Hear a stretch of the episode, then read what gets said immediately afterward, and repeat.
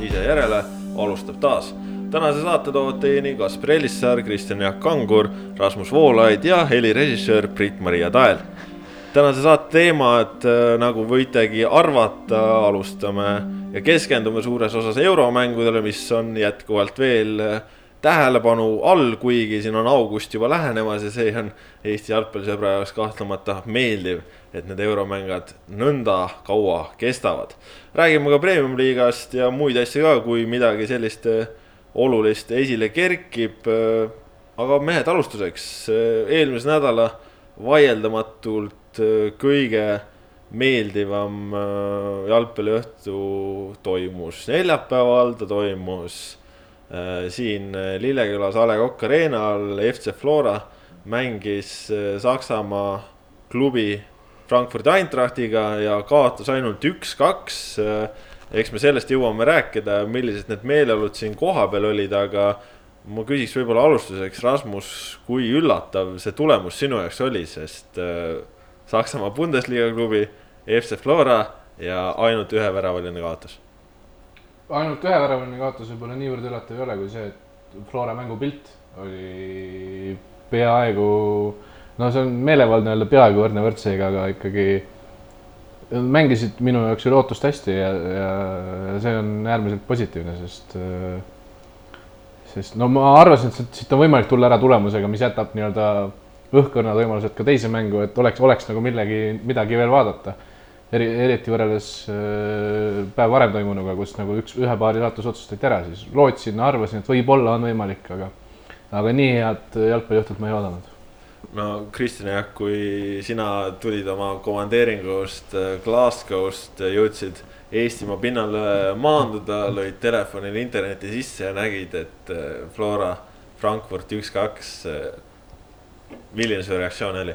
ma olin teel tegelikult täpselt mängu ajal Glasgow'st äh, Helsingisse, nii et, äh, et seal jah, lükkasin telefoni sisse, vaatasin, et ohoh. Äh, ma lootsin loomulikult, kõik me lootsime, aga, aga võib-olla kõige rohkem, kõige kõnekam oli see, mis toimus ilmselt, ma arvan, kõigi jalgpalliga vähegi seotud inimeste sotsiaalmeedias. et, et kuidas igast seitsmest eri suunast tuli ülimalt positiivseid signaale, isegi tulemust mainiti tegelikult nagu väga harva. noh, üks-kaks jah, kaotuseks oleme ju tegelikult noh, realistlikult võttes jah, nagu Rasmus ütles, see jätab võimaluse veel mingisuguse õhku, mis on väga positiivne. reaalselt äh, on ikkagi väga keeruline. oleks ka olnud kaks-üks võidu puhul väga keeruline ikkagi loota veel siit ka edasipääsu, et, et noh, see on hoopis teine hundikoobas, aga see, see positiivsuse laks, mille kõik vist said sellest, et noh, sisuliselt oli Lillekülas ikkagi selline, ütleme, selline inimhulk, mis tekitas täismaja tunde. täismaja ta loomulikult ei olnud, jäi sellest päris kaugele, aga see selleks. Ja see usk, mida Eesti jalgpall on tohutult vajanud, et me võime mängida küll. jalgpall on ümmargune, nagu me teame, ja et me võime mängida küll ka selle jalgpallimaailma suurtega. seda andis see mäng ja ma arvan, et seda oli tohutult vaja ja too õhtu ka ma ise siin sündmuste keerises olin ja seda matši teieni, head kuulajad, tõin, kui te Sokkerneti vahendusel seda jälgida otsustasite. aga tõesti juba staadionile saabudes, noh, esmalt need järjekorrad, need suured massid inimesi, kes ei jõudnud kõik õigeks ajaks staadionile, sellepärast et just need sabad staadionile pääsemiseks olid nii suured ja see noh eks siin äh, tuletatakse ju ikka jälle meelde inimestele, et tulge varakult staadionile, aga eestlasele see ei ole vist äh, väga kinni ja külge jäänud, harjutakse ikka tulema viimasel hetkel ja. ja siis nii läkski, et väga paljudel jäi esimene veerandtund täitsa nägemata.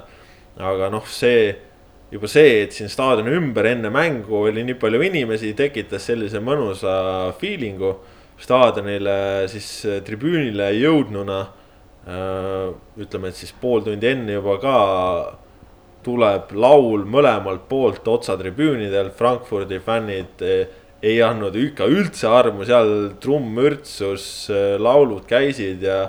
ja ega siis kodumeeskonna Flora toetajatel ka midagi üle ei jäänud, pidid ju ka samaga vastama, et.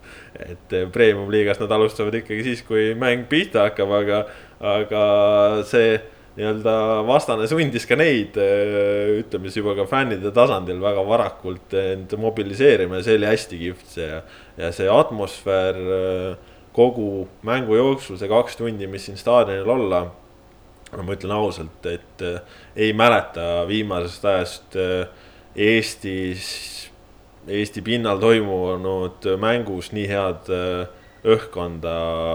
ka koondise mängude omalt esialgu ei meenu just sellise nurga alt, kus ongi sul kahel pool fännid, kes annavad täiega kuuma terve aja. ja, ja see noh, ongi selline mõnus sumin tõesti Mm, ka see äh, Frankfurdi fänne, neid oli ülipalju, on ju, et äh, Flora nii-öelda ultrafänne oli ju kordades, kordades vähi, vähem, aga, aga nad suutsid ka mingitel hetkedel küljetribüüni isegi kaasa tõmmata, mille osas ma olin enne mängu skeptiline, et ma mõtlesin, et kui okei okay,, et koondismängudel tuleb veel sealt Eesti, Eesti ära. aga tuli ka Flora, Flora ära, mis oli minu jaoks positiivne üllatus. ja, ja noh, siis kui veel kanda kõik see, mis selle äh, tribüünide peal toimus, sealt veel kanda see üle ka väljakule. See, mis väljakul oli, noh, ma olen siin mõnel pool juba öelnud ka, et äh, esimese poole lõpus mina tõdesin rõõmsalt, et vaatasin nelikümmend viis minutit heal tasemel rahvusvahelist jalgpalli. ja siis nii-öelda lööpides veel mõne kolleegi käest küsin, et kas nad teavad, kes see roheline võistkond on, et jube hästi mängivad.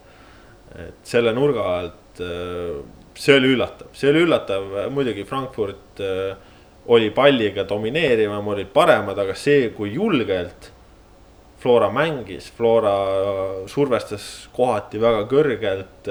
mängijad pakatasid enesekindlusest seal noh.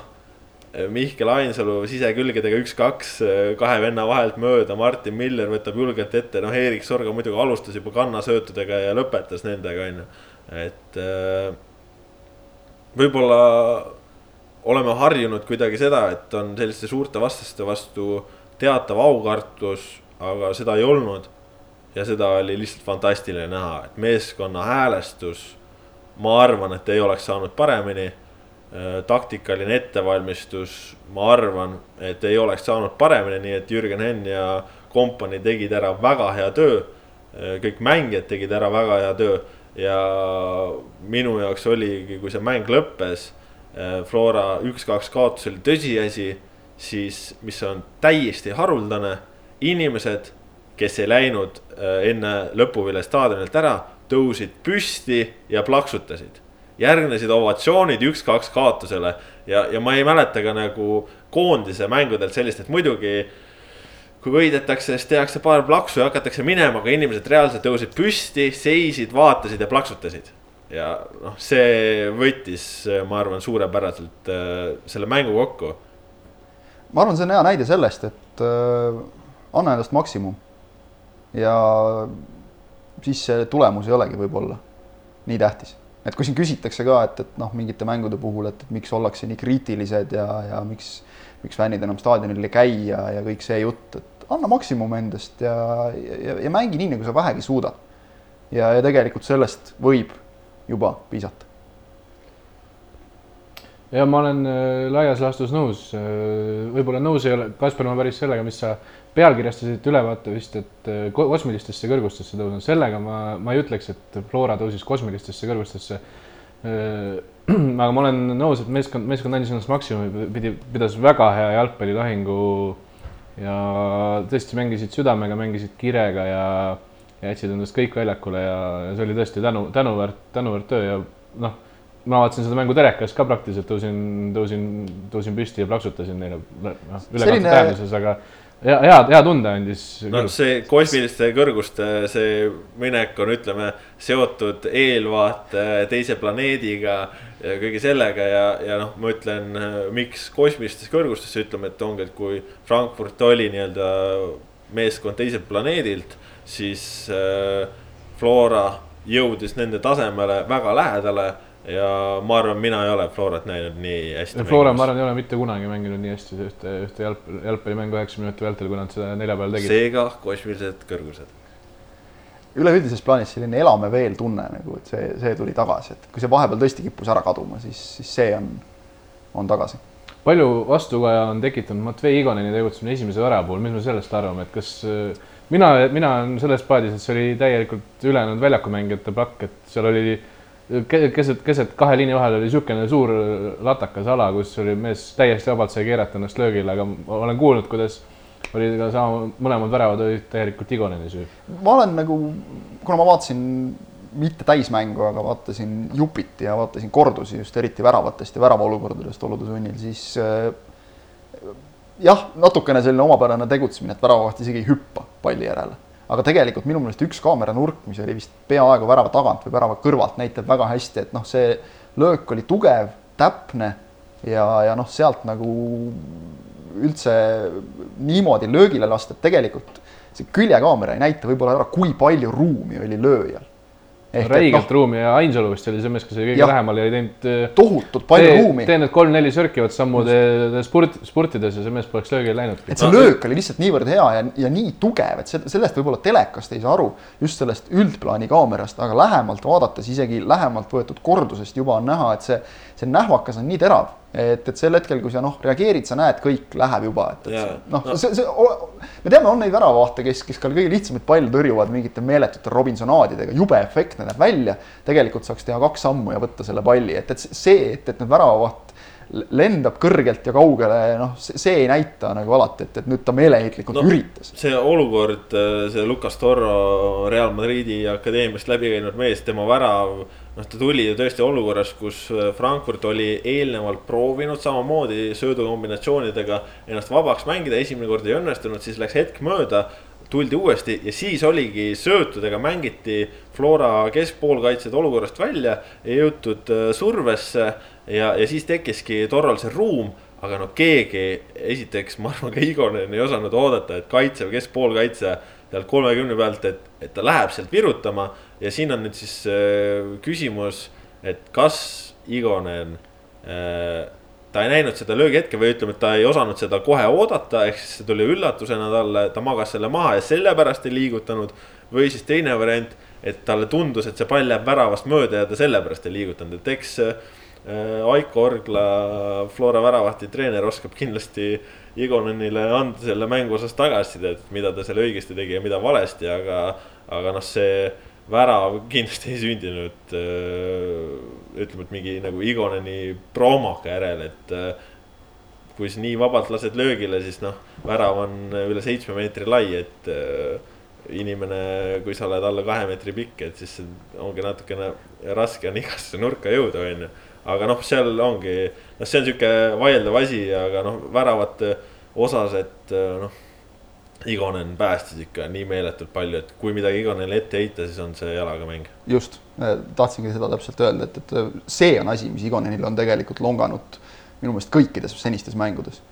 jalaga mäng, mängu avamine just nimelt, aga no paneme selle, loodame, et selle saab praegu panna vähese vahepealse mängupraktika süüks ja läheb paremaks kiidaks veel Lukas Torot ka, ma kontrollisin üle, et mees on paremajalgne ja ta pani selle paugu vasakuga, nii et muljetavaldav. noh, sellepärast võib-olla oligi ka Igoneni jaoks see üllatus.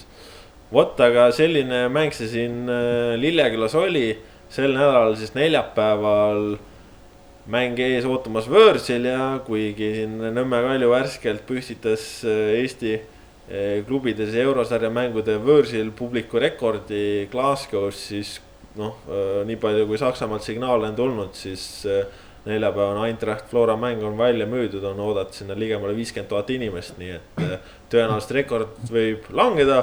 samas äh, Flora siis ka juba ühe rekordi püstitas, see, et see kaheksa pool tuhat inimest siin Lillekülas oli, see on.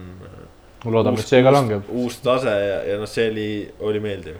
on kellelgi midagi lisada, eks me tõenäoliselt selle, selle nädala mängu osas võime öelda, et Floral on paganama raske ja, ja noh no halb on see, et Frankfurt peaks iga mänguga paremaks minema, kuna neil on ju, see oli hooaja esimene mäng põhimõtteliselt, mis mängiti tulemuse peale, nüüd on teine mäng, et noh. No, ja, ja no ma, ma arvan, et see ikkagi natukene oli neile ka äratuskell, et, et kodus tahetakse tõestada. et et, et noh, nad on, nad on veidikene parem meeskond kui see, mida nad siin näitasid.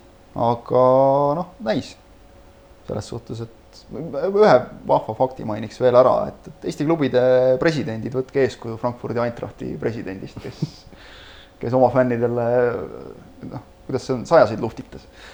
ehk et selline väga-väga vahva näide ja, ja väga hea näide jalgpallikultuurist, mida siin on võib-olla viimasel ajal natukene küsimärgi alla seatud, et mis see jalgpallikultuur täpselt on, aga, aga seda näitasid ka Eintrachti fännid, et, et noh, praktiliselt ju null probleemi nendega, et see, et siin mingit äh, staadionil mingit posti natukene kõigutati või, või, või midagi sellist tehti. mõned tegid vales kohas suitsu ka, aga siis no, viisak, see... viisakalt suunati jälle õigesse kohta. see on tõesti kohutav, kohutav lugu, et, et jalgpallifännid, mitu tuhat tuleb sul neid kokku ja siis need on nagu maksimaalsed asjad, mida saad välja tuua, et, et loodetavasti kõik edaspidi Eestis käivad fännid võtavad eeskuju. ja kes ei saanud siis Kristjan Jaagu selle sajaste luhtitamise Äh, sõnumist äh, šifreeritud koodist täpsemalt see aru. läheb, loeb ristnurka, mitte ei hakka siin lahti rääkima. no ma võin talle lühidalt okay, öelda, ühesõnaga president oli tribüünil ja andis fännidele reaalselt sularaha, et nad saaksid omale õlut osta.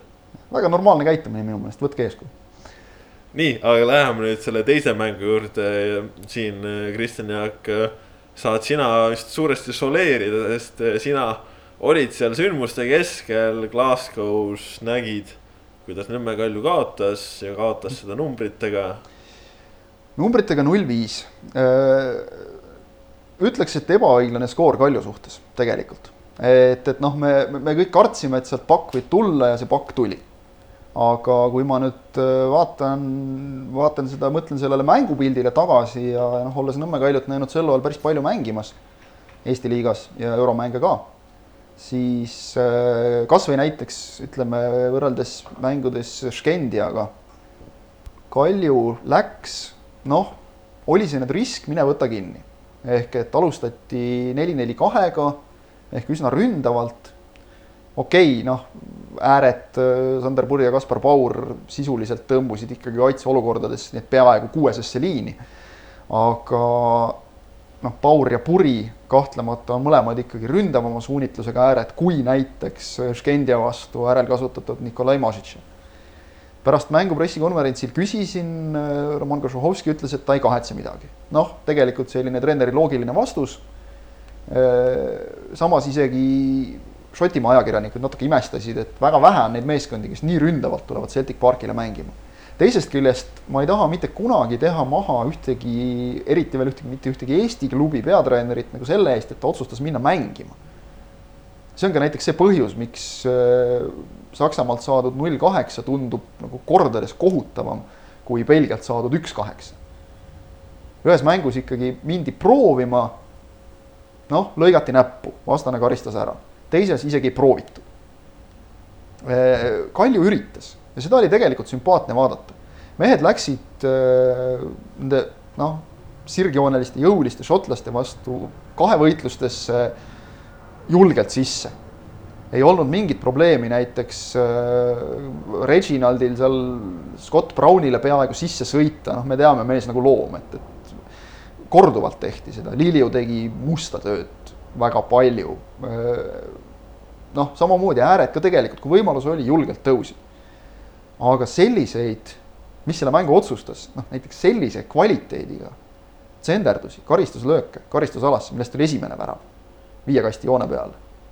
Eesti liigas sai unes ka. meie kõige paremad mehed, kõik Dmitri Kurglovid ja, ja teised, nad, nad ei anna sellise teravusega, nad annavad väga häid karistuslööke, aga mitte selliseid. no okei okay,, teine värav oli tobe penalti, noh, kõik need kolm Kalju euromängude penaltit, käemäng on sellised leebelt öeldes idiootsed olnud, noh, juhtub, juhtub, shit happens, nagu öeldakse. Äh, kolmas karistuslöök, noh, otse risti, mitte midagi teha, maailmaklass. Äh, neljas, jälle võib öelda, noh, mine mehele peale rohkem, karistusala tagant, äh, vintpall tagumise posti kõrvale. jällegi, täielik klass. ja viies tuli, kui nüüd mälu ei peta, siis tuli kontrast, kui Kalju üritas mängu lõpuks ka midagi teha, noh, see enam ei muutnud midagi tegelikult. ja aga jällegi väga hästi lahendatud. ehk et Kalju, no praktiliselt kõik eksimused karistati ära. ja vahel karistati ära isegi siis, kui eksimust kui sellist nagu väga ei olnud tunduski ju tegelikult, et see mäng äh, kuni esimese väravani oli päris õnnestunud, ehk siis inimesed ikkagi nii palju ka, kui siit kodumaalt seda jälgiti, tundus, et sihuke foon on ka nagu pigem positiivne, et Kalju on isegi päris hästi mängus sees, aga, aga siis tõesti esimese poole lõpus kolm standardolukorda, kolm väravat ja noh, mäng sai otsustatud. ma arvan, et see foon oligi sellepärast positiivne, nagu Kristjan ütles, et äh, mindi mängima, pool tundi mängitigi mängiti väga okeilt, ilmselgelt Celtic on parem, kõik teadsid seda, aga kvaliteetne meeskond, aga, aga Kalju reaalselt mängis pool tundi ja siis noh, see poole lõpus tulidki need kolm tükki ära, kolm penalti, suurepärane karistuslöök ja tehtud. ei olnud sellist põhjendamatut aukartust. ehk et sama, mida ei olnud Flora Eintrachti vastu. esimesed no, pool tundi olid mõlemas mängus võrreldavad. just, Floral oli, Kožuhovski ütles ka, et, et kolmekümne viie minuti jooksul mul ei olnud mitte mingeid etteheiteid meestel siis saab muidugi öelda ja et noh, oleks seal pidanud nii-naa kolmandat moodi võib-olla tegema ja noh, selge on see, et, et kui ikkagi kaitsvamalt mängule minev meeskond laseb endale standarditest nii mitu lüüa, siis noh, millegi vastu eksiti. aga noh, nagu öeldud, see, see kvaliteet, mis sealt vastu tuli, see oli, see oli hoopis teisest klassist. ja tõesti noh, ärme unustame seda, et, et Kalju sel hooajal ei ole see Kalju, mis ta oli eelmisel hooajal ja, ja mulle meeldis, minu jaoks, minu jaoks isiklikult oli see sümpaatne, et, Kožuhovski läks mängima. teades ilmselt oma peas väga hästi, mis võib sellega kaasneda halvemal juhul, aga ta läks proovima.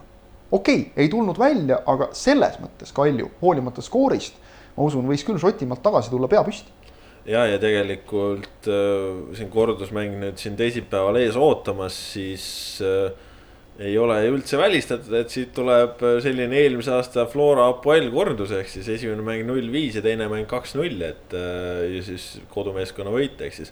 ma ei oleks üllatunud, kui Kalju homme tõesti teeks nagu väga hea tulemuse, aga noh, edasipääsu mõttes väga palju enam rolli ei mängi, sest null viite tagasi mängida, noh selleks. no see on ulme see.... ma, ma arvan, et siin ka võib-olla optimistlikult Kalju inimesed ise nagu, et kas nad enam usuvad, et see usk on siin üleval olnud, et, et noh, see on võib-olla isegi nagu no, paduoptimistidele liiast. on usk ja on terve mõistus, eks ole. et, et siin ei ole enam kosmilised kõrgused, et siin läheb Marsi missiooniks ära juba nagu täiesti, et, et siin jah e, ega, ega tegelikult ütles näiteks Sergei Terehov ütles pärast mängu otse väga ausalt, et proovime nüüd keskenduda Tallinna mängule siit võime saada, eks ole, positiivse tulemuse, mis Eesti klubide rankingule aitab kaasa kindlasti, ärme unustame seda, et, et ega Kalju jaoks ju euromängud läbi ei ole, et, et äh, saada siit sellest Celticu mängust positiivne emotsioon ja, ja minna siis äh, kas siis nüüd Tudelanži vastu või siis uuesti Škendia vastu, eks ole, näis, kuidas seal teine mäng lõpeb. et, et seda, seda on neile kindlasti väga vaja ja noh, üleüldse Kaljule sel hooajal nagu neid positiivseid emotsioone noh, nagu väheks ei saa jääda, ehk et äh, julge mäng, Celtic tõenäoliselt tuleb paljuski noh, mitte ainult noortega, ma arvan, aga kindlasti väga paljud nooremad mängijad või, või mitte põhikoosseisu mängijad saavad oma võimaluse, sest ega noh, tegelikult oli selles mõttes natukene naljakas seal Šotimaal olla, et see käis enne mängu pärast noh, ütleme siis vaatad peaaegu et mängu ajal isegi, siis pressikonverentsil ja pärast mängu järelkajades ja, ja noh, kogu jutt käis selle ümber, et, et millise meeskonna nüüd Celtic endale ikkagi kokku paneb, et, et noh, ega sellele Kaljule pühendati need kohustuslikud paar äh, rida, et tegu on Eesti meistriga ja kõva meeskonnaga ja me ei alahinda kedagi, aga ja siis jätkus jutt sellest, et keda me ikka ostame sel suvel ja keda müüme, ehk et noh äh, Celticu rõhk on hoopis mujal ja, ja ma arvan, et, et sellest võiks Kaljul olla võimalik kasu lõigata küll.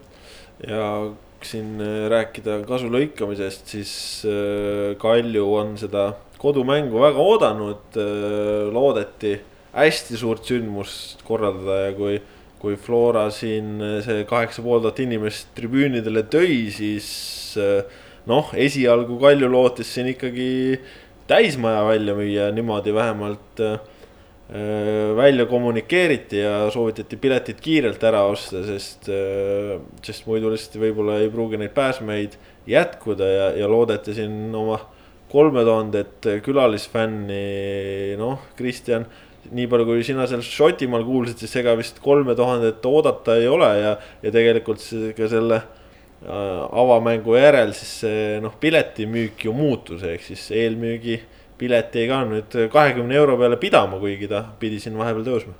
jah, noh, oleme päris täpsed, vist täitsa esimene info selle kohta läks nagu välja mängu laupäeva õhtul napilt enne mängu, aga jah, enamikeni ta jõudis, jõudis, jõudis hiljem ja, ja siis tuli jah, veel see info, et, et tõesti kakskümmend ja, ja väravast on siis endiselt kolmkümmend viis on hind.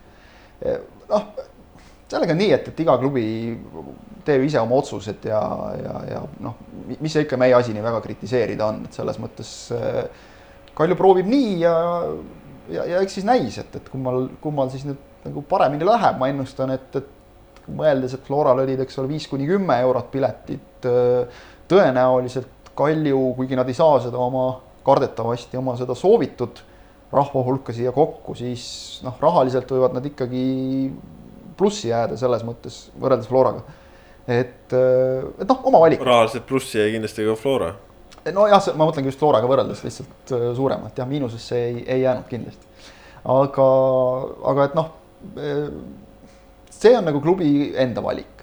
nüüd peab vist, Kalju fännid peavad teleka, teleka kinni panema või? Nii-öelda jah, ärge aknast välja visake, aga, aga ei, noh, ma ei tea, Kalju fännid on siin ise ka olnud natukene kriitilised tegelikult, et, et siin on nagu minu jaoks on oluliselt suurem probleem on see, et, et, et kuidas see, kui sa ütled, et noh, kommunikeeriti välja kui ülisuur mäng, noh, okei okay,, oma asja peabki suurelt müüma.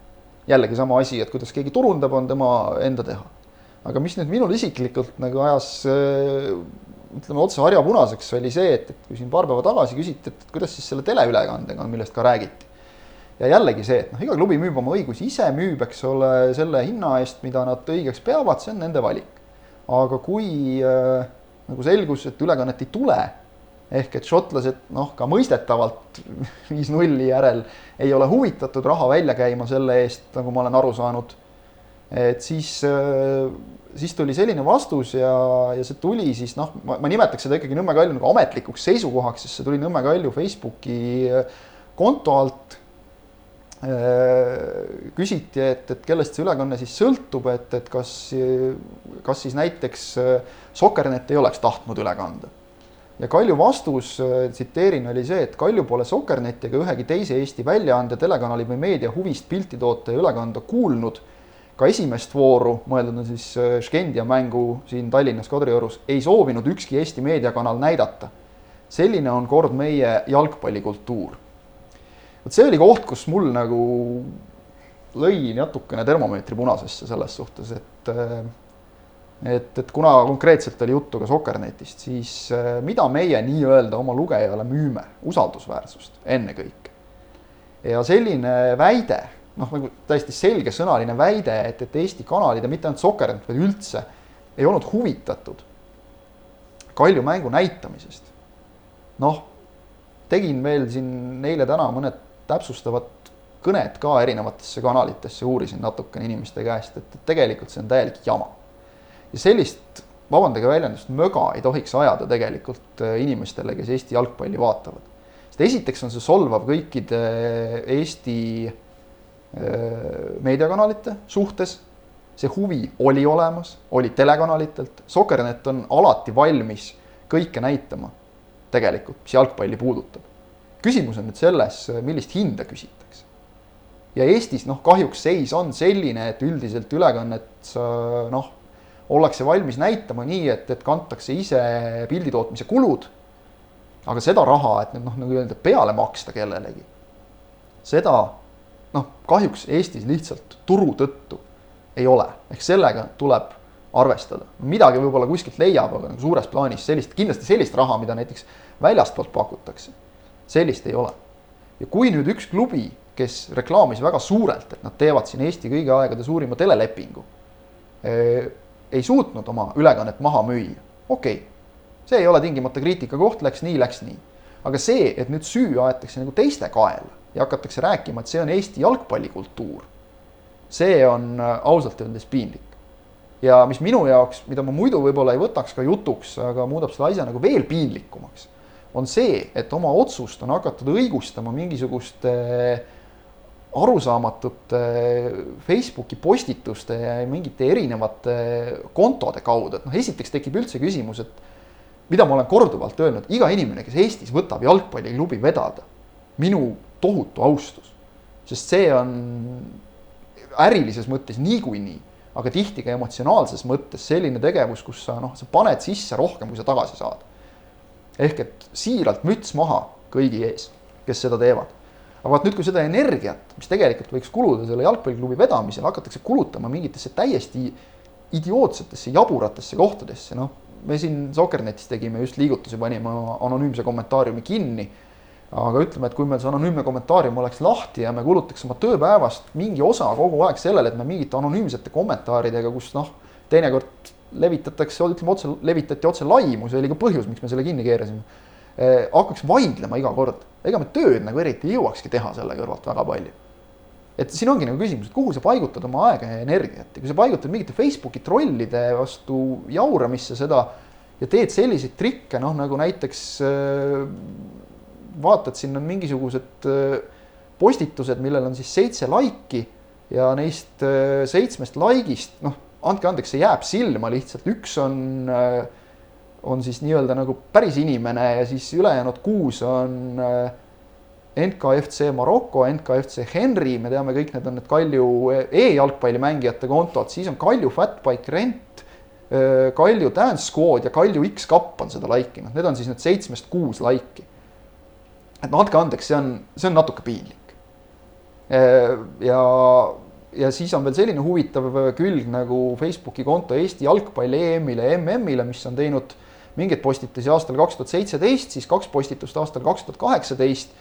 Ja nüüd äkitselt aktivi-, aktiviseerunud ja viskunud väga uljalt kõikide Kalju seisukohtade kaitsele Äh, tekkis minul küsimus, et, et mis huvitav uus äh, külg see on, avasin selle ja siis kontaktinfo alt vaatab mulle vastu aadress www.jkkalju.ee ehk noh, ma arvan, igaüks teeb oma järeldused ise nendest asjadest, aga, aga noh, selliseid asju nagu vaadata ja, ja näha on ausalt öeldes natukene tobe ja piinlik. veel kord, ma ei võtaks seda teemat üldse üles, igaühe enda asi, kuidas ta ennast müüb, turundab, mida ta teeb, kuidas sotsiaalmeedias käitub, aga kui tekib küsimusi, miks on mingisugused hoiakud tekkinud siis vot selliste asjade pärast tekivadki ja kui tekib nagu konkreetselt selline olukord, kus hakatakse rääkima, et mitte ükski Eesti kanal ei tahtnud näidata meie mängu ja, ja öelda, et see ongi Eesti jalgpallikultuur, vot siis mul nagu natukene pulss tõuseb. Jah, ma siis ütlen võib-olla täpsustuse mõttes ka üle siin, et äh, nende euroklubide, euromängude äh, ülekanneõigustega on siis sedasi, et need ülekandeõigused kuuluvad klubidele endile, ehk siis eh, erinevalt eh, näiteks premium-liigast, kus õigused kuuluvad liigale, siis eh, siin eelringides on õigused klubide enda käes ja klubide enda käest on siis need nii-öelda välja minemas, ülekanded on neie, nende rida.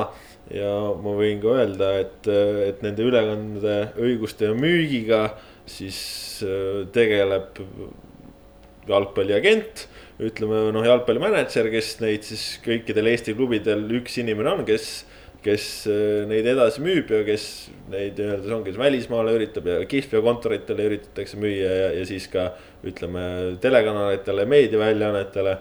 ja Soker.net äh, on kõikide euroduelli teel uurinud omalt poolt ja esimese eelringi eel tuli väga konkreetne vastus, et Kalju ei ole huvitatud sisuliselt üldse mingit ülekannet näitama, et, et noh, siis loodeti inimesi meelitada staadionile ja teise mängu eel, siis Glasgow Celticu eel äh, oli äh, väga lähedal üks telekanal asja näitamisele mille peale siis ka Sokkernetile oli asi väga kiiresti selge, et eh, meie, meie siin konkurentsis ei ole.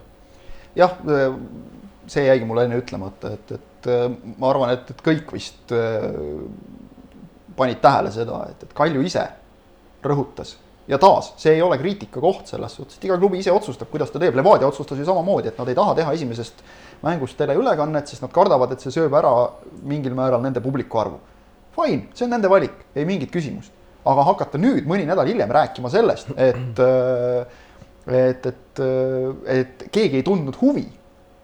no milleks valetada, see, see on täiesti otsesõnaline vale nagu selles suhtes ja, ja tegelikult on see selles mõttes solvav kõigi jalgpallisõprade suhtes, et, inimesed ju lugesid seda, sellest räägiti korduvalt. ja, ja nüüd öelda, et tegelikult sellist asja ei olnud, piinlik, lihtsalt piinlik. ma kõige selle juures loodan, et äh, kedagi nüüd ei peleta see meie kriitiline jutt eemale homme toimuvast mängust. ehk äh, kui te vähegi leiate võimaluse see raha välja käia, tulge, äh, vaadake seda mängu ja, ja, ja nii ongi ja ma loodan, et, et siin Lillekülas on äh, samasugune mõnus atmosfäär. ka väiksem inimhulk suudab seda kindlasti luua, nagu oli Flora mängul. see oleks väga tore, aga noh, hetkel kahjuks jah, ütleme nii, et on, ma usun, Kalju inimesed on ka saanud oma õppetunni sellest ja, ja loodetavasti järgmine kord läheb paremini. ma loodan ka, et edaspidi võiks nagu kommunikeerida asju samamoodi nagu Levadia, samamoodi Levadia ei näidanud ülekannet ja Levadiaga nagu ei ole mingisugust sellist äh, punast teemat praegu üleval, et äh, kõik oleks justkui väga kurjad nende peale ja nemad vastupidi. aga lõpetame positiiv-. ega tegelikult ju Kalju suhtes ka ei olnud esimese mängu yeah.. inimesed said aru sellest otsusest, ehk et kui te räägite nagu ausalt, miks te nii teete, mõistetakse ju, ei aga, ole probleemi. aga lõpetame positiivsel toonil näiteks, et äh, Metallicat taheti ja Metallicast ei olnud ülekannet, nii et äh, ei ole ka, ei ole ka nüüd siis. jah, noh, nii on. Metallical oli vist kuuskümmend tuhat pealtvaatajat no,, nii palju Lillekülla ei mahu, aga, aga loodame, et tõesti homme. Metallica müüdi välja, nii et loodame, et Kalju müüb ka välja. loodame, et neid inimesi tuleb ja tõesti ega siin ei olegi, eks äh, saamegi ju aru ka mingit pidi, et Eesti klubidel on ka vähe teenimisvõimalusi ja, ja tõesti, kui need siis avanevad, siis eks tulebki üritada teha ja, ja ega ju. see on ka loogiline, et kõik üritavad oma kulusid võimalikult madalana hoida, ka sellest saame aru, aga lihtsalt jah, et kui. kui mingisugust kommunikatsiooni teha või mingeid äh, mingit infot edasi anda, siis ta võiks olla tõene. ja kui midagi läheb pekki, siis võib seda tegelikult täiesti ausalt öelda, ka ei ole vaja teistega asja ajada. just, aga läheme siit euromängude juurest siis edasi ka premium-liiga peale. sel nädalavahetusel meil siis kolm mängu oli just nende samade euromängude tõttu, ehk siis äh, Kalju ja Flora äh, osalusel toimuma pidanud duellid lükati edasi kaugemasse tulevikku ja kolm matši siis ära peeti kindlasti oli see raske ja keeruline nädalavahetus kõikide Betsafe Fantasy sõprade jaoks, sest ka mul endal oli äh, enne vooru algust meeskonnas täpselt kuus mängukõlbulikku mängijat, kellest õnnestus äh, vahetuste toel siis justkui enne mängu see nivoo viia kaheksa peale. aga, aga paraku läks ikkagi nii, et äh, punkte tõid kuus mängijat aga mängudest ka.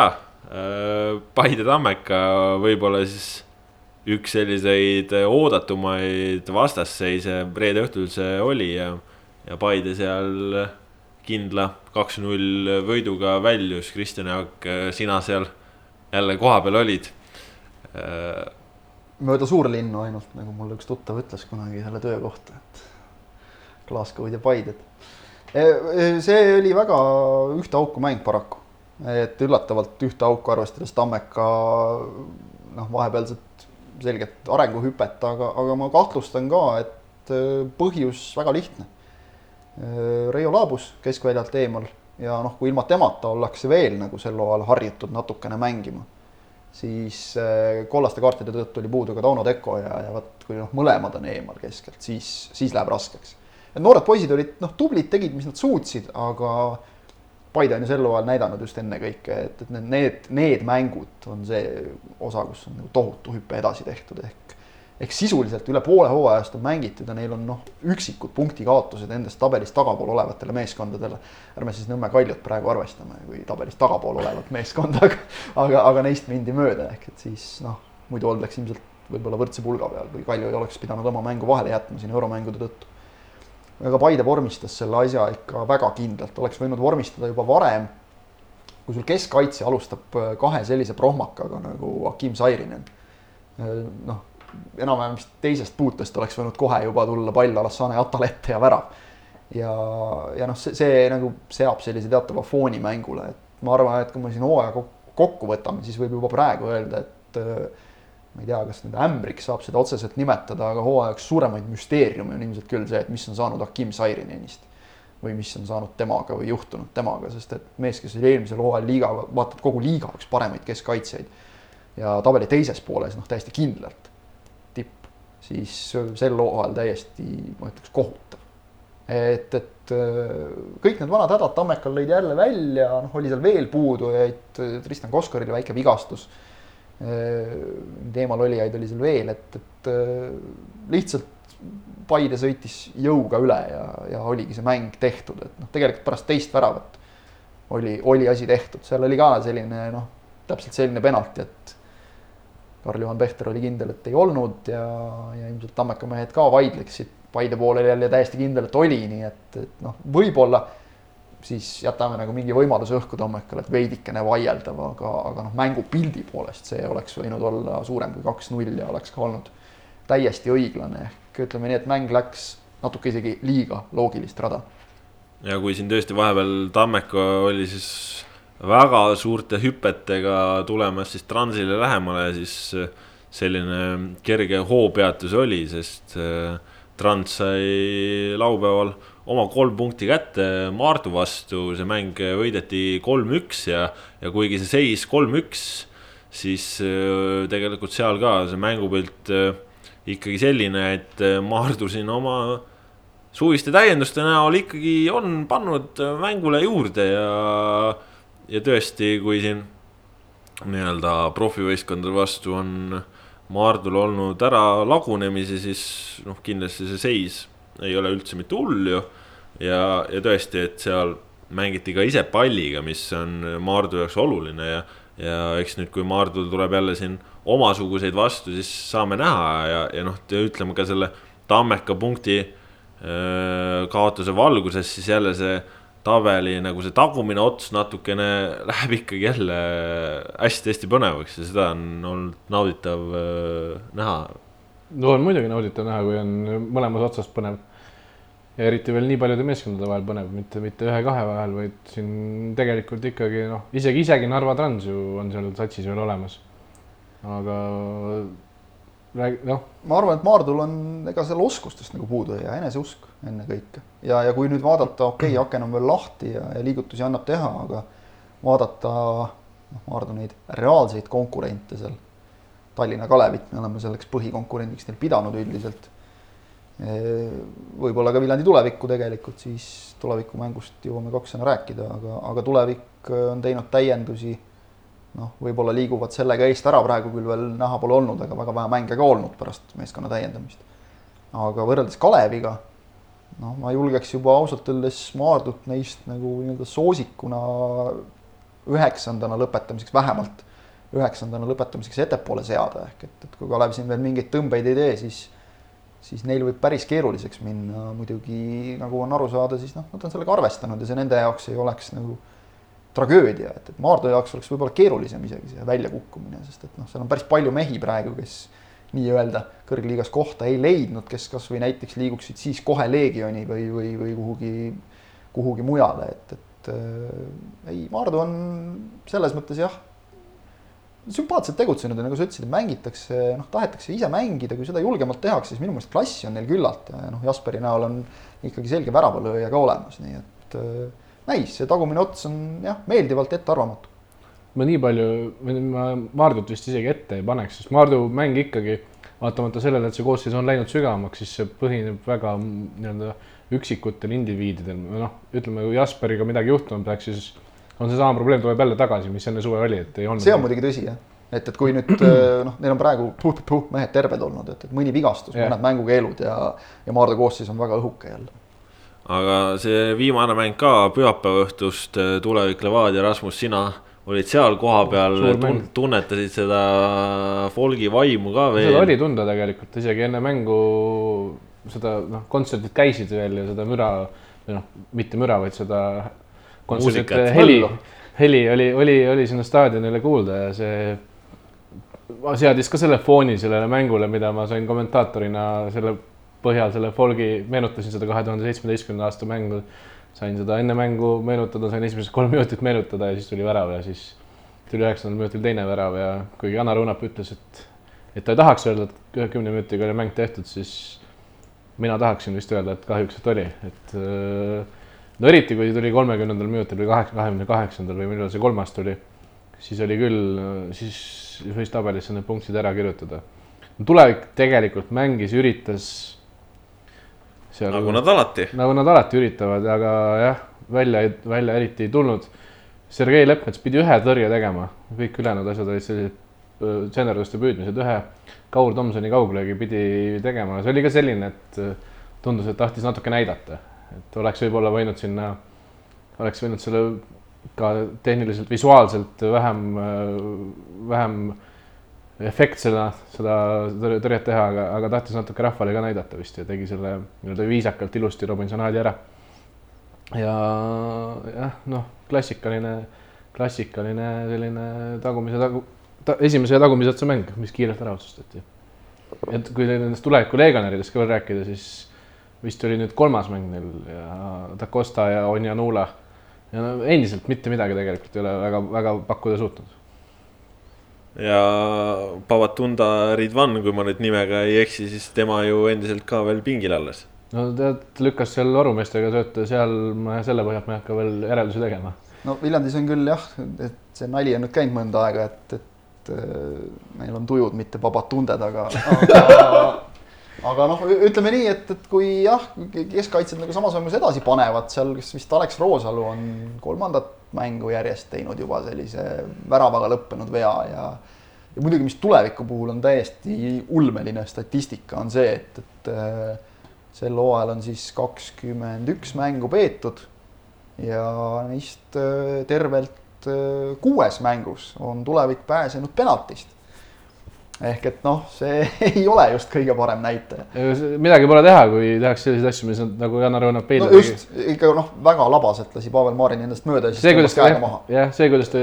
Marin, Marin ei puutunud, Marin ei puutunud vist palli isegi minu meelest, vaid lihtsalt. pall tuli, Marin läks teiselt poolt Õunapit, Õunap oli palli ja Marini vahel ja siis pööras ümber ja tõmbas selja tagant maha. jah, tõmbas käega maha, kus nagu täiesti võimatu on mitte anda penaltit sealt, et kui siin võib-olla Narvas tehti näiteks siin mõned voorud tagasi tulevikule liiga, siis noh, seekord küll mitte. jah, et noh, jämedas mõttes ja, et statistika statistikaks, aga aga kui see hulk on nagu nii suur, siis see ei, ei tasu vist ju arvata ka, et see on nüüd kellegi kohtunike või kellegi ei, mingisugune vandenõu. ega, ega noh, minu teada nad Viljandis nagu ei arva ka, vaid saavad aru, et, et seal on kuidagi vaja mingi nii-öelda reset teha, aga et, et Ridvan võib, võib küll mingil hetkel jah, saada võimaluse, sest noh, vähemalt minu teada on siin ka mõnigi tulevikumees on noh, müts maha selle ees, aga et on mängitud niimoodi poolede süstide pealt ja, ja noh, läbi vigastuse, nii et, et et mingil hetkel võib-olla tulevikul nüüd kui mälu ei peta, on muidugi väga raske seeria, kus siin hakata katsetama nagu, et ainult tippudega järjest mängida. see oli nüüd teine mäng viieses seerias, kus mängitaksegi reaalselt ainult esiviisikuga. just, jah, et, et noh, samas võib-olla just võiks seal proovida jälle, et iga Sest punkt, mis sealt tuleb. Tallinna Kalev, kus on juba kindlasti, seal ei saa enam proovida. seal ei saa enam proovida, seal tuleb juba punkte võtta, sest et ega tulevikul noh, ongi, et kui siin vahepeal ka mängupilt läks paremaks, ega punktid nagu järele ei tulnud eriti, nii et et jah, arvestades äh, seda tabeli tagumist otsa, siis ega, ega nad seal ennast liiga mugavalt tunda ei saa hetkel. ja mingil hetkel on tõesti see, et okei okay,, paar mängu uued mehed elavad sisse, aga siis tuleb tegema ka hakata. jah, eks näeme siis, kuidas nad tegema hakkavad. Äh, sel nädalal siis veel mõned päevad on lahti ka Eesti-sisene üleminekuaken, ehk siis praeguseks on ju iga klubi on mingisuguse suurema või väiksema liigutuse teinud, saame näha kas ja mida veel siis siin viimastel päevadel tehakse või mitte üldse, et siin ju noh, Nõmme Kalju siin nädalavahetusel võttis omale ka ühe mängija veel juurde, kellest saame siis ka lähiajal aimu. aga seoses siin üleminekutega ja Nõmme Kaljuga on ka üks kuulaja küsimus meil vastamata jäänud, suured vabandused, et eelmisel nädalal äh, seda ette ei kandnud, aga, aga ja kuulaja Gribenski küsis siis nii, kas Kaljul on nüüd Liljut lihtsam lüüa, kuna suutis eurosarjas head esitust näidata. ja lühike vastus sellele on kindlasti jah, sest nagu me teame, et eh, euromängud on eh, selleks kohaks, kus on mängijatel väga hea võimalus silma paista. ja noh, neid euromänge on siin ju Kaljul veel tulemas vähemalt kolm, kui mitte rohkem. Eh, nii et selle pealt kindlasti Liljut natukene kergem võiks olla müüa, aga noh, muidugi, mis teeb seda raskemaks, on see, et kodune hooaeg Liljul pole nüüd nii särav olnud kui mullune ja eks Liljul ka need eh, vanusenumbrid muudkui seal passis on tõusmas, nii nagu igal teiselgi inimesel. aga, aga tõesti noh, kahtlemata, et kui sa Euroopas mängid hästi, siis, siis muidugi ja, ja noh, siin sellele eh, või sellest johtuvalt ju tegelikult ka see, mida Flora mängijad näitasid äh, Frankfurdi vastu, et siin on noh, ei no siin juba öeldi, et, et kui Sorga ei oleks löönud mitte latti, vaid löönud sisse, siis oleks leping juba laual võib-olla kuskilt, eks ole, Saksamaalt. noh No ma arvan, et küll ta selle, temal on need erinevalt Liliust sel hooajal ka need numbrid olemas, et, et küll ta selle lepingu mingil hetkel saab ka, aga ja olen kuulnud väljaspoolt ka selliseid äh, Flora suunas nendele, ütleme siis nende mängijatega seotud inimestele läinud selliseid jutte, et kui teine mäng samasugune tuleb, et siis on terve uus meeskond vaja osta, et kõik lähevad välismaale. et no Floral on duubel ka olemas, küll mängivad. aga, aga mis Liliut puudutab, siis äh, jah, vanusenumbrid on läinud suuremaks, nagu on selline elu seaduspära üldiselt. väravanumbrid on läinud väiksemaks, samas ma tahaksin väita, et vähemalt, mitte hooaja alguses võib-olla, aga vähemalt viimase, ütleme, kuu, võib-olla isegi kahe jooksul on Liliu mänginud kohati vaata et isegi küpsemalt kui eelmisel hooajal et eelmisel hooajal noh, väravanumbrid olid suurepärased, tal, ta läks ju ikka, on läinud Eestis enne tänavust tempos äh, mängija värav. ka siis see poolik hooaeg juba, kus ta, kus ta tuli, ta ju kukkus kohe lööma. et äh, tal on kõrvalt, ütleme, toetajaid puudu võrreldes eelmise hooajaga.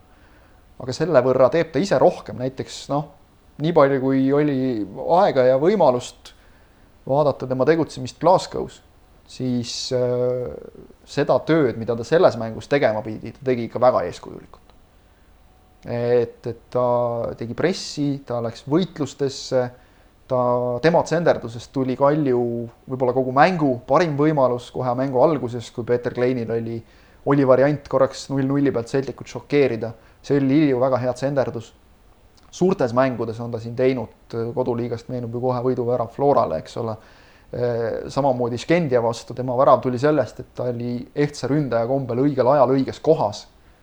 et Peeter Kleini viimastes mängudes ütleme teatav esiletõus, kuigi noh, me oleme ka rääkinud, vist rääkisime eelmiseski saates, et Kleinil on natukene see häda, et et suurte tugevate meeskondade vastu, kus Kalju mäng lähtub rohkem kaitsest, seal tema trumbid pääsevad maksvusele. Kui on vaja nii-öelda ise teha ja tekitada, siis ta veel jääb natukene hätta. see on jällegi asi, mis saab ainult paremaks minna ja see, et, et Kaljule on muidugi nüüd tulnud juurde äh, Max Mata, kes tuli poole ajal sisse Glasgow's ja on ikkagi äh, ütleme, no siis kahe sellise pooliku mängu pealt, mida ma olen kus ma olen teda näinud, on klassiga mängija. et noh, ta on noor ja, ja, ja vajab kogemust ja lihvi, aga mulle tundub, et, et temast võib olla tuge ka veel võib-olla omal natuke eri, erineval moel päris korralikult Liliule, nii et äh, ei, seda, et Lili ju kuskile veel selle suvise akna jooksul kuskile korralikku noh, arvestades jah, vanust ja, ja, ikkagi tema senist karjääri, ütleme siis korralikku, mis Eestist oleks ikkagi samm edasi, klubisse siirdub, absoluutselt ei välistaks. kindlasti on need šansid oluliselt paremad, kui nad olid näiteks ütleme isegi võib-olla kuu aega tagasi. euromängud on need, kus sa jääd silma ja ja ütleme näiteks, kuidas Celticu mängu järel tõi isegi sealne press mitu korda välja Reginaldi, nimetades teda Kalju parimaks mängijaks. see näitab, mismoodi neid mänge jälgitakse, noh see, et, et Londak tegi väravas häid tõrjeid, seda näeb igaüks. Reginaldi töö nägemiseks peab natukene spetsiifilisemalt vaatama tema mängu. see, et ta nimepidi lehtedes välja toodi ja seda tegid kohalikud jalgpallis üle keskmise hästi orienteeruvad ajakirjanikud mitte nüüd, et pressikonverentsil oleks keegi maininud, eks ole, siis sealt üles kirjutatud. see näitab, et, et sellistes mängudes hoitakse silma peal. ma olen täiesti kindel, et Celticu mängumaterjal on väga paljudel agentidel nii-öelda kuskil portfellis mingi mängija nime taha, nad on linnukese teinud, nii et et selles mõttes oli ka sümpaatne Kalju mängu vaadata, et, et noh, mehed vaevalt nad nüüd selle nimel mängisid, aga aga tunnetasid, et, et need, need ei ole mängud, kus tagasi hoida ja ega ei hoitud ka. Ja, ja kui siin veel vaadata, toon lisaks Max Matale toodi nüüd ka Ukrainast ründav poolkaitse juurde ja noh, Lilju on ju sel hooajal väga palju seda number kümne kohta mänginud alumist ründajat, siis noh, võib-olla no, siit võime natukene midagi ka välja hakata lugema, et minimaalselt seda ohverdatakse igaks juhuks koosseisu, sest tegelikult Kaljul on, ju selline seis, Kaljul on ju selline seis, kus noh, ja oleme ausad, see on nüüd natukene ka noh, kurb, ütleme lihtsalt nii et ei Skendia vastu ega ka nüüd Celticu vastu olnud pingil täisarvu mehi. üks koht oli Celticu vastu vaba. ehk et, et noh, ülimalt sümpaatne olnuks seal näha mõnda Kalju noormängijat, kes ilmselt teadnuks ka ise, et tema võimalused mängu saada ei ole mitte nullilähedased, vaid, vaid ongi null. aga see noh, lähtudes sellest, mismoodi Kožuhovski on tavaliselt nagu vahetusi teinud ja koosseisu koostanud lihtsalt puht, puhas loogika. aga see emotsioonilaks, mille oleks see noor mängija sealt saanud, oleks olnud võimas. mille saab nüüd võib-olla mõni Flora pingimees äh, Frankfurdist näiteks. noh, mitte võib-olla, vaid kindlasti noh, jah, samas ütleme, et Flora on see koosseis nii paks, et seal jäävad Tõsi. ka mõned äh, päris mängumehed aeg-ajalt nüüd juba koosseisust välja. jah, juhtub, aga noh, mõte jääb samaks, eks ole, et, et see noh, oleks olnud tore lihtsalt, kui keegi oma noortest olnuks seal, seal kaasas, aga, aga ütleme näiteks, kui Kalju on mänginud terve selle hooaja nii, et noh, sisuliselt ju äärekaitsesse mitte mingit reaalset normaalset vahetust ei ole. Et on, on see nüüd siis kelle iganes äh, süü, et, et noh, ka võib-olla siin võib Sergei Frantsevi otsa vaadata nagu komplekteerimise probleeme, eks ole, see on Kalju meeskonna sisene asi, see on jälle nende asi, aga aga lihtsalt see olukord, noh, ütleme, see on, see on loogiline, et see ei saa olla hea, kui meeskonnas mingitel positsioonidel puudub sisemine konkurents, nii et kui see konkurents nüüd äh, tõuseb, eks ole, näis, noh, see Valgevene mängija on ka nii, et, et ta nagu ukrainlane. ukrainlane, vabandust, jah, reklaamiti nagu välja natuke nii, et, et noh, Donetski Šahtari kasvandik, sealt ta lahkus tegelikult väga noorelt ja, ja noh, järgnev karjäär ei ole midagi meeletult säravat olnud, aga kakskümmend üks oli ta, kui mälu ei peta, nii et noh, selles mõttes õige suund, et, et las, las, las proovib ja, ja, ja, ja näis, et ega, ega ta Kalju meeskonda nüüd kehvemaks küll kuidagi ei tee ju, see on selge ja, ja siin äh, üks selline äh, korduv äh, kuulaja küsimus meil veel olnud, ehk siis nagu ikka, meie saade algab alati kölliga ja küsiti siis ka nüüd taaskord, et kes on selle suurepärase ja ma just täpselt nii ütlengi, kölli autor. kölli autorid on bändi OU liikmed Tiit Liblik, Jüri Nakent-Vainola ja, ja lisaks ka Jaan Sinka nii et äh, nemad on äh, sellesse loosse panustanud ja noh, kes tahab tõesti nende muusikat veel nautida, siis mehed lasid värskelt omal uue loo välja ja, ja videod ja kõik muud asjad ka takka, nii et äh, ma arvan, et siit on hea ja õige koht see saade kokku tõmmata, sest ka, ka meil siin läheb muusikaliseks siin meie lindistamiskeskkonnas, nii et aitäh, et olite täna meiega, kohtume siis järgmisel nädalal, kui jälle ports euromänge on selja taga. tänase saate tõid teieni Kaspar Elisser, Rasmus Voolaid, Kristjan Jaak Kangur ja helirežissöör Brit-Maria Tael, nii et kuulake meid jälle, küsige meilt küsimusi ja kuulmiseni